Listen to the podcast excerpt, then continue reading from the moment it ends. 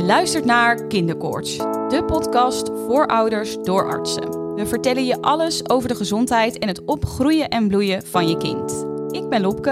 En ik ben Muriel, beide artsen.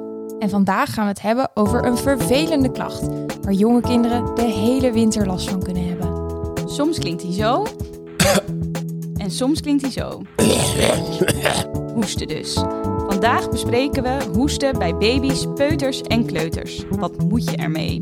En wat is het nut van hoestdrank? Dit en meer bespreken we in deze aflevering met kinderlongarts Joël Israëls. Welkom Joël. Dankjewel. Goeiedag allemaal. Ik ben Joël Israëls, kinderlongarts in het LUMC in Leiden. Leuk, dankjewel dat je er bent vandaag. Waarom is het belangrijk dat we dit onderwerp bespreken? Nou, hoesten is een heel veel voorkomend probleem, waar ook heel veel de huisarts uh, en de dokter voor bezocht wordt. Om te kijken wat er aan de hand is. Er wordt veel zorgen over gemaakt en het is toch voor heel veel mensen heel erg irritant om te hoesten. Het voelt vervelend. Het houdt mensen wakker als je s'nachts hoest. En dat is een reden dat veel mensen ermee naar de dokter gaan. En in de praktijk blijkt dat er heel vaak is het wel irritant, maar is er niet een ziekte onderliggend aan de hand. Ja, want waarom hoesten we eigenlijk? Hoesten is iets van ons lichaam wat echt fantastisch is. Het zorgt ervoor dat onze longen schoon worden. Het is een heel mooi systeem waarbij diep in onze long eigenlijk al het slijm en alle troep verzameld wordt. Eigenlijk is de binnenkant van onze long een soort vliegenvanger die alles vangt wat daarin terecht komt. Stukjes stof, bacteriën, virussen, rook, roet, alles. En dat wordt er weer uitgewerkt doordat er in de long iets zit om dat naar buiten te werken. En om dat te helpen kan je hoesten om die klodder slijm er weer uit te krijgen. En dat doen we allemaal elke dag, meerdere keren per dag. Er is ooit onderzoek naar gedaan en dan blijkt dat kinderen gemiddeld 1 tot 50 keer per dag hoesten. Gewoon gezonde kinderen zonder dat er iets aan de hand is. Dus het hoort erbij. Alleen soms is het veel meer dan normaal. Is het veel meer slijm dan normaal. Of uh, zorgt het ervoor dat de nachtrust verstoord raakt. Wat mensen er heel veel last van hebben. En dan moet je er soms wel wat mee. Eigenlijk is hoesten iets heel normaals. Iets wat het lichaam doet en wat ook heel erg nuttig is om te doen. Um, en wat zouden nou oorzaken kunnen zijn van dat hoesten? Want ik hoorde net al een beetje wat er allemaal in die luchtwegen weggevangen worden. Um, zijn dat ook de triggers waardoor mensen kunnen hoesten? Ja, eigenlijk uh, goed gezegd. Het hoesten is een bescherming van ons lichaam voor alles wat naar binnen komt, wat er weer uit moet. Het sterkste is dat bij onze stembanden, waar we ook mee praten. Uh, als je daar iets op terecht komt, dan ga je heel heftig hoesten. Nou, dat hebben we allemaal wel eens als we ons verslikken. Uh, dat is een hele duidelijke hoestprikkel. En veel dieper in onze long reageert het veel meer bijvoorbeeld op gassen. Dus als je bijvoorbeeld heel veel rook inademt, ga je ook heel heftig hoesten. En daarvan is het belangrijk om te hoesten, om het er weer uit te werken. En als je kijkt van ja, wat kan er dan aan de hand zijn, zijn het heel vaak veel voorkomende infecties van virussen. Dus verkoudheden waarop mensen hoesten. En dat kan veel langer zijn dan de meeste van ons denken. Ja, en die, die virussen, uh, die, die virusinfecties, dat is ook uh, een van de redenen waarom we deze leeftijdscategorie nu vandaag bespreken. Omdat die virusinfecties bij deze kinderen veel vaker voorkomen dan bij ons als volwassen mensen. Ja, klopt. Kinderen zijn sowieso heel vaak ziek, heel vaak verkouden. Volgens mij hebben jullie allebei zelf geen kinderen. Nee, klopt. Um, maar jullie zullen het wel ook in het ziekenhuis gezien hebben. Gewoon die continue trambanen onder de neus. Ja, dat zit er de hele tijd, ongeveer de hele winter lang. Ik zie het ook bij mijn eigen kinderen. En toen ik ooit kinderarts werd, had ik eerst nog geen kinderen. Toen dacht ik, nou, dit, ja, waarom, waarom vinden mensen dit nou zo'n probleem? En toen zag ik het bij mijn eigen kinderen. dacht ik, ja, je wordt er helemaal gek van. De hele tijd die neus snuiten. Ja. Het is echt heel veel, maar ja, dat hoort erbij. Gemiddeld genomen in het najaar, dus herfst, winter, tien keer een verkoudheid per jaar. Dat is het normale, die ongeveer twee weken duurt. Nou, dan ben je dus twee weken of één week heb je het niet. Ja, dan komt het weer terug. Dat is het gemiddelde. Dus het is echt heel veel. Ja, ja. dus tien keer twee. Nou, tel uit je winst. Dat is gewoon uh, de helft van het jaar ongeveer uh, dat ze aan het uh, hoesten en proesten zijn. Precies, dat is het verdienmodel van Kleenex. Ja. ja. En dan heb je natuurlijk ook nog de pech eigenlijk dat die peuters, kleuters, hè, die leeftijdsgroep waar we het nu over hebben, natuurlijk continu met elkaar uh, in contact zijn, uh, met de crash, uh, hetzelfde speelgoed gebruiken. Dus dat verspreidt zich ook als een lopend vuurtje. Ja, en daar hebben we een hele mooie test mee gehad in de coronaperiode. Hoe vervelend die periode ook was, heeft het ons wel heel veel geleerd hierover. Precies wat je zegt, het is ook heel erg het aansteken. In de coronatijd waren we met z'n allen veel minder vaak verkouden. Um, ook patiënten met longproblemen hebben vaak veel meer last van het hoesten. En in die periode was het ook veel rustiger met patiënten met dat soort longproblemen. De kinderafdelingen waren leeg. Precies, Ja, omdat ze elkaar niet allemaal aansteken. En hierbij zeg ik niet dat we terug moeten naar een lockdown. Maar Nee. het was voor sommige patiënten eh, was het wel een uitkomst. En eh, kinderen die eh, in deze leeftijdscategorie, die zijn ook vaker verkouden omdat ze nog een onrijp immuunsysteem hebben. Hè? Ja, klopt. Het is een stukje van het immuunsysteem. En dat onrijpe is vooral, je hebt gewoon nog niet zo heel veel gezien. Net als bij waterpokken. Als je het één keer hebt gehad, krijg je het daar niet meer. Dat geldt ook voor heel veel virussen die in je longen kunnen zitten. Die krijg je een keer en dan bouw je er geheugen aan op. Helaas hebben ze wel heel veel broertjes en zusjes die je ook ziek kunnen maken. En kunnen sommige virussen ook een beetje veranderen, waardoor je er toch later nog een keer ziek van wordt. Maar hoe meer je er hebt gezien, hoe breder je afweer wordt en hoe meer je er snel kan verslaan zonder er ziek van te worden. Ja, dus je ziet ook hoe ouder de kinderen, toch hoe minder virusinfecties over het algemeen eh, voorkomen. Ja, het is echt iets voor onder de leeftijd van vier jaar dat het heel veel is en daarna wordt het steeds beter. Wat je ook ziet is dat het heel veel te maken heeft met hoeveelste je in het gezin bent. Dus als je een, eh, het enige kind in je gezin bent, heb je er over het algemeen iets minder last van dan als je de tweede, derde of vierde bent. Als je, niet als je aangestoken wordt door je broers en zussen. Ja, agos. Nou ja, je ziet dat het wel vragen oplevert, ook aan huisartsen en aan kinderartsen. Van waarom is mijn tweede of derde kind nou zo vaak ziek? Dit, dat ouders zich daar vragen over stellen. En heel vaak is het antwoord ja, omdat dat niet de eerste is, maar de tweede of de derde. En daardoor veel meer blootstelling heeft. En vanzelf naar kinderdagverblijf, crash, BSO, school. Maar ook de blootstelling van die ouderen, die daar ook allemaal naartoe gaat, weer van andere kinderen al die virussen oppakt en doorgeeft. Ja. Dubbel pech. Precies. En eh, als we dus zo zeggen dat hoesten, dat is eigenlijk heel nuttig eh, om de longen schoon te maken. Daarnaast zien we dus ook dat het heel veel voorkomt, omdat ze op deze leeftijd heel veel virussen eh, langs krijgen die zorgen voor dat hoesten. Maar moeten ouders zich nou zorgen maken als hun kind hoest? Nou, om hoesten zelf hoef je je geen zorgen te maken. Hoesten zelf is een heel nuttig middel om je longen schoon te maken. Dus hoesten is goed en hoesten moet ook. Je moet het vooral niet te veel inhouden. Daarentegen kan het wel heel lang duren en dan moet je er wel wat mee. Dus een beetje de vraag van ja, wanneer moet je er nou wel mee naar een dokter gaan? Dus in principe niet, behalve als er dingen bij komen. En dat is als het of heel lang duurt, als er gekke andere verschijnselen bij komen, of als je kind daarbij ook heel erg ziek is. Ja. En eh, ziek, nou, dat, ik kan me voorstellen dat ouders daar wel een beetje gevoel bij hebben. Van wanneer is mijn kind ziek? Dat, dat, dat is ook een beetje een onderbuikgevoel. Dat kun je niet Ja. altijd helemaal de vinger opleggen. Ehm, en wat zijn andere verschijnselen die erbij kunnen komen... waardoor ouders aan de bel zouden moeten trekken? Aanhoudend hoge koorts is een belangrijke. Dus eigenlijk koorts behoort toch maximaal een beetje drie dagen te zijn. Dan moet het wel weer weggaan. Dus als dat langer duurt, dat is een reden om aan de bel te trekken. Als het hoesten meer dan vier weken duurt, dan vinden we het ook met z'n allen te lang. Dan kan je met een droge hoest, dus zonder slijm, kan je nog wel even aankijken. Maar zeker als er de hele tijd slijm bij zit en het gaat maar niet weg, dat is wel een reden na vier weken om in ieder geval verder te kijken wat er aan de hand is. Het resultaat is dan nog heel vaak dat het een infectie is geweest en dat je daar nog een periode na blijft hoesten. Maar soms is er dan ook iets anders aan de hand en dat moet dan wel onderzocht worden. Ja, dus hoesten langer dan vier weken is een reden om aan de bel te trekken. Als het langer dan drie dagen koorts eh, bestaat. En ik denk sowieso ook onder de drie maanden hoesten en koorts is ook in ieder geval een reden om de huisarts te bellen. En als je kind dus ziek is, daarbij. En ik denk ook nog goed als je kind benauwd is, daarbij. Dus dat je ziet dat hij moeite heeft met ademhalen. Of suf is, of dan de helft drinkt.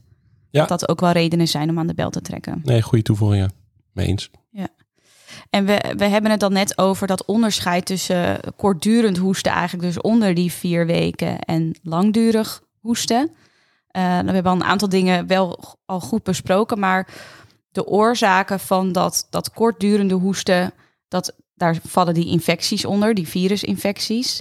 Ehm, en zijn er nog andere triggers of redenen waarom kinderen kortdurend kunnen hoesten naast die virussen?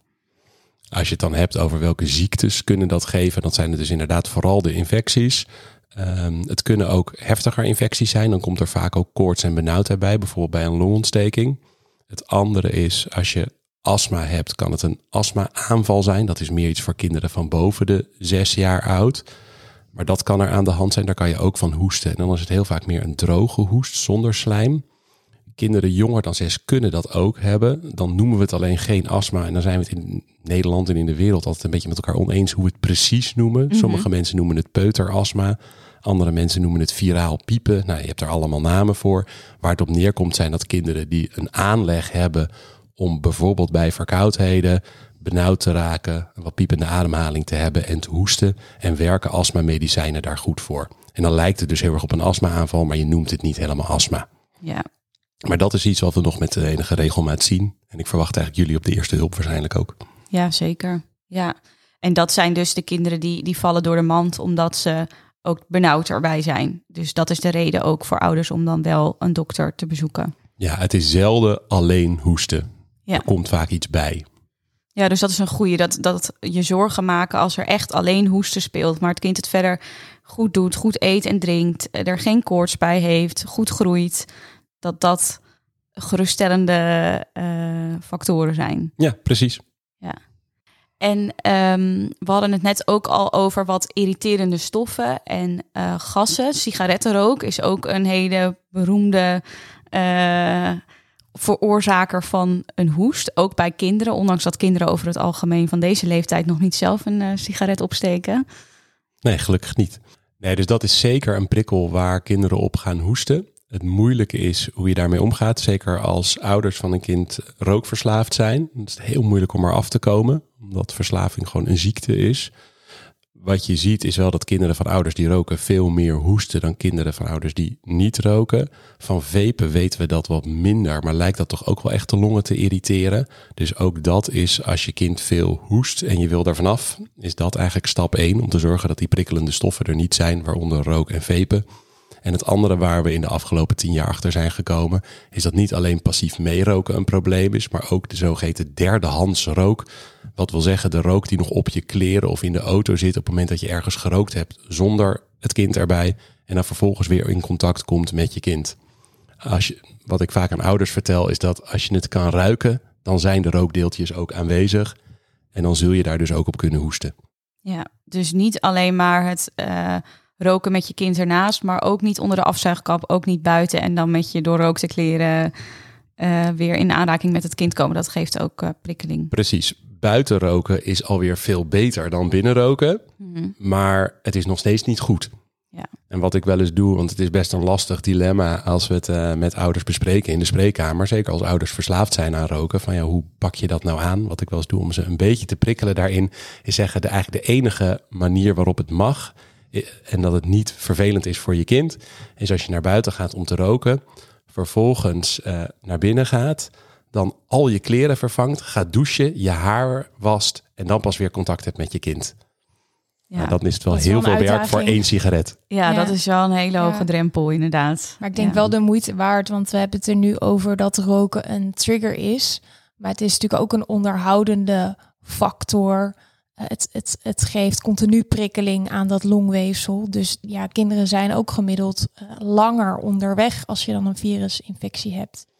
Ze hebben ook nog eens veel kwetsbaarder longen. Ja. Dus er kan veel meer gebeuren. Ze moeten nog nou ja, 80, 90, 100 jaar door met die longen. Ja, Eh, dus elke schade die daarbij komt is voor de langere termijn heel vervelend. Dus ja, het is zeker belangrijk.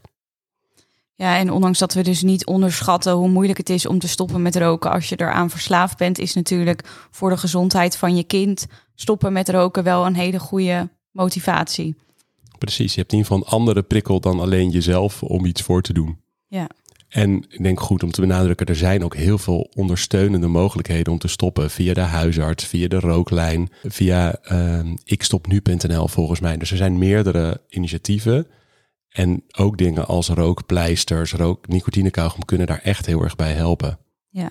Gemiddeld genomen hebben mensen drie pogingen nodig om succesvol te stoppen met roken. Dus ook als het één keer niet gelukt is, kan het een keer daarna wel echt lukken. Nou, ik denk een belangrijk, eh, belangrijk onderwerp eh, binnen het hoesten bij kinderen. En ehm, om nog even terug te komen op waar we het net over hadden. Je noemde even, je kan een, een droge hoest hebben eh, en je kan een hoest hebben met slijm.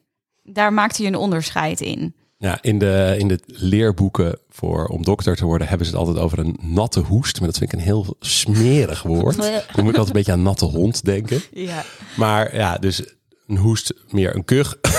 En weer een volle hoest of een natte hoest of een slijmende hoest. Meer beetje als je het gevoel hebt bij een kind van ja, dit is... Illustratief dit wel. Precies. Ja, je moet hier iets mee. Ja, dit doe ik in de spreekkamer. Want soms is het best lastig van ja, is het nou meer een droge hoest of is het meer een volle hoest? En dat maakt best uit in hoe je daarover nadenkt.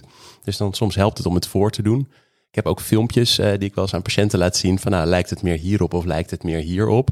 En het maakt echt veel verschil. De droge hoest is meer vaak een irriterende hoest of een allergische hoest door een irriterende stof of door een allergische prikkel of na een infectie dat de luchtpijpjes nog een beetje geïrriteerd blijven voor wat langere tijd. Terwijl de volle, natte, slijmerige hoest is er eentje waar je veel meer mee moet, omdat dat aangeeft dat de longen eigenlijk nog steeds heftig geïrriteerd zijn, ontstoken zijn. Ja. En zeker als dat meer dan vier weken blijft bestaan zonder dat daar een periode in zit dat de klachten helemaal weg zijn, dus zonder een dag zonder hoesten, ja, dan is wel een reden om er iets mee te doen. Ja, dus die, die droge hoest, dan moeten eigenlijk de luchtwegen met name over het algemeen wat tot rust komen. En goed nadenken als ouder van zijn er hier nog prikkels aanwezig, zoals sigarettenrook, om die te proberen te vermijden. Uh, en bij de natte hoest, langer dan vier weken, iedere dag. Dus niet een dag niet geweest, dan moeten we weer opnieuw beginnen met tellen. Uh, dan is het een reden om wel een dokter te raadplegen om mee te laten kijken. Ja, precies. Mooie samenvatting. Ja, en die... Uh, die, die natte hoest, uh, om toch maar even natte hoest te noemen. Uh, daar hadden we het eerder al over. Die, die uh, kan ook gewoon een nasleep zijn van een infectie. Ja, dus dat is de meest voorkomende oorzaak ervan. Maar er zijn er veel meer. En vaak is het een teken dat er eigenlijk met het opruimsysteem in de long iets niet helemaal lekker gaat. Dus we hebben dat hoesten wat ervoor zorgt dat je je slijm opruimt. Dat helpt omdat je in je luchtpijpjes heb je een soort, soort hoogpolig tapijt zitten van hele kleine zogeheten trilhaartjes die ervoor zorgen dat je slijm eruit gaat. Dat slijm gaat eigenlijk als een soort stromend, vast een soort kroos op een stromend beekje de hele tijd je long uit. Zo houdt je long zich schoon. En dat hoesten helpt om het een extra zet te geven. En op het moment dat je maar de hele tijd slijm blijft houden, is het een teken dat er soms met dat tapijtje iets mis is. En dat kan na een infectie zijn, dat dat tapijtje eigenlijk kapot is, versleten. En dan heeft het lichaam tijd nodig om dat tapijtje weer opnieuw op te bouwen. Dat duurt ongeveer twee maanden voordat dat tapijtje dan weer goed is. En uh, het andere kan zijn dat er toch iets aan het broeien is, diep, waardoor de hele tijd maar dat slijm extra gevormd wordt. Ja, duidelijk. En um, we hadden het net al een beetje over wat kunnen ouders nou zelf doen. We hebben het gehad over wanneer moeten ze aan de bel trekken. Uh, nou, die prikkels proberen te vermijden en ook gewoon rust en tijd om uh, te herstellen is belangrijk. Um, ik hoor ook altijd ouders die heel graag iets willen doen, iets willen kunnen betekenen voor hun kind, wat natuurlijk heel logisch is, want het is ook een irritante klacht. En uh, mij dan vragen, hoestdrank, is dat uh, een goede optie?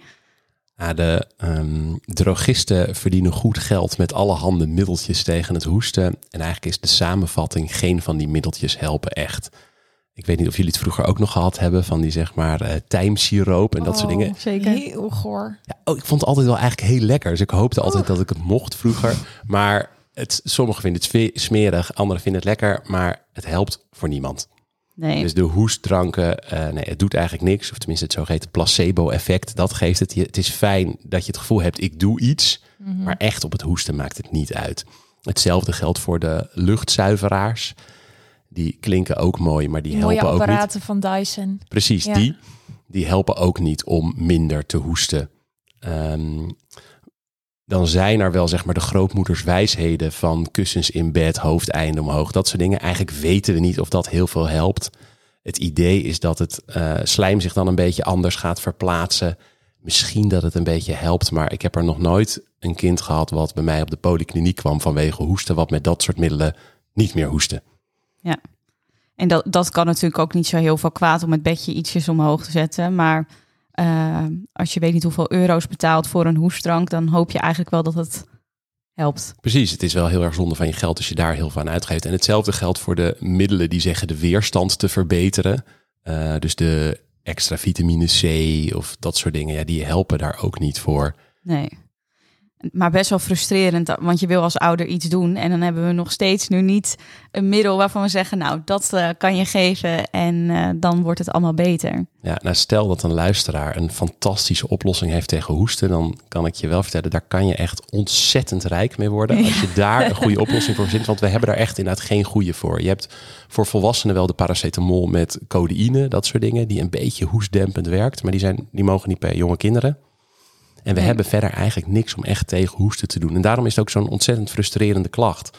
Dat als je er de hele tijd in de nacht wakker van wordt, ja, dan, je, en je kan niks, dat is heel frustrerend. Ja. Behalve uitzieken. En je zegt tegen de hoest hebben we ja, helaas niet zoveel te bieden. Ik denk wel in het kader van uh, uh, andere symptomen die soms gepaard gaan met hoesten, zoals een neusverkoudheid of keelpijn, hebben we wel iets van hè, ondersteunende adviezen in de vorm van neusspray of waterijsjes. Maar goed, dan moet, daar, moet er wel sprake zijn van of neusverkoudheid of keelpijn. Het hoesten zelf blijft dus um, ja, nog een uh, markt waar nog meer winst te behalen valt. Precies, hè? nou wat je wel een hele goede zegt is de neus. Dus um, je kan ook hoesten omdat je heel erg verkouden bent en het slijm van je neus een beetje op je stembanden druppelt vanuit je keel. Dat is een vorm van hoesten waar je wel een beetje wat mee tegen kan doen door die neus heel schoon te houden. Dus door echt gewoon met zoutspray fors te sprayen en met neusdruppels en die neus veel schoner te krijgen, kan je dat wel tegengaan. En dat kan helpen om dat zeker voor het slapen, voor de nacht te doen. Omdat als je dan achterover ligt, druppelt het nog verder naar achter. Maar in de praktijk is dat een vorm van hoesten die iets vaker bij volwassenen voorkomt dan bij kinderen. Maar nog steeds, die kan wel helpen, heeft weinig nadeel. En ook die zoute neusdruppels kosten ook niet zoveel. Dus die kan je zeker thuis proberen. En die zoute neusdruppels, dat uh, is inderdaad goed druppelen. Dat is ook nog wel weer iets anders dan uh, met een pipetje één of twee druppeltjes erin uh, laten lopen. Het is echt, nou, we noemen het altijd leegbaggeren. dat moet echt even goed, goed schoongemaakt worden. Ja, het is niet één snotje wat eruit moet, maar het is echt inderdaad doors, doorspuiten, zeg maar. Ja, ja. Ja, dus ja, die... verwacht niet dat je kind dit heel plezierig vindt. Dit is gewoon echt even de boel schoonmaken, hardnekkig. En, uh, maar goed, daar, met wel goed effect en denk ik fijn resultaat. Een kind ja. kan gewoon weer beter ademen daarna. Ja. Voor de mensen thuis, uh, als je zeg maar daar filmpjes van wil zien van de meest extreme methode, dan moet je een keer uh, een YouTube filmpje van de Rhino Hoorn zoeken. Dat is een soort van ja, toeter die je op je neus kan zetten. En daar kan je dan met zout uh, helemaal door je neus heen spoelen. Er zijn mensen met ziektes die die gebruiken om de neus schoon te maken. Maar dan zie je wat blijkbaar de neus gewoon aan kan qua hoeveelheid vloeistof. Ja, en misschien nog een kleine side note. Want uh, kleine kinderen, hoe kleiner ze zijn, ademen ook veel meer door hun neus dan door hun mond, zoals wij uh, als volwassenen. Ja, klopt. En daardoor zie je dat vaak ook verstopte neus vaker leidt tot voedingsproblemen. Dat baby's slechter drinken als hun neus verstopt zijn. Dus daar is het nog extra belangrijk om die neus schoon te houden. Dat heeft dan niks te maken met het hoesten, maar wel met ook slechter drinken in periodes van verkoudheid. Ja, nou nog even, dat was een sidestep. Ja. ja. Ik mis nog een beetje de antibiotica gebruik in dit verhaal. Ja, de antibiotica bij hoesten komt eigenlijk pas heel laat of als er andere dingen bij komen. Dus als je een longontsteking op basis van een bacterie hebt, dan hoort daar echt antibiotica bij. Daar is eigenlijk iedereen in Nederland het ook over eens. Dan krijg je die als ouder ook voor je kind. Maar voor de meeste andere vormen van hoesten helpen de antibiotica niet. En daar maakt dat onderscheid van die uh, droge hoest en die slijmerige hoest ook uit. Over het algemeen helpt ook antibiotica niet voor een droge hoest. Voor de slijmerige hoest ook niet altijd. Maar als die heel lang duurt, dan kan het wel helpen. Of als er iets bij komt als langdurig koorts, dan kan het ook meer een teken van een longontsteking zijn waar antibiotica wel voor helpen. Maar antibiotica zelf heeft geen effect op hoesten.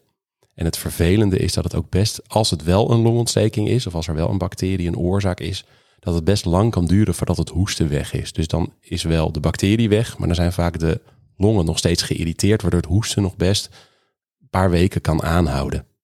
Ja, dat vinden we niet gek als het hoesten nog lang aanhoudt, maar nou ja, nogmaals wel een vervelende klacht. Ja. Ja. En uh, een van de dingen die ik nog even wil aanstippen, omdat we daar een vraag over kregen via onze socials, was het fenomeen pseudokroep. Um, nou ja, nogmaals ook niet iets om zelf te denken van nou, mijn kind heeft nu dit, dus ik ga nu dit en dit en dit doen.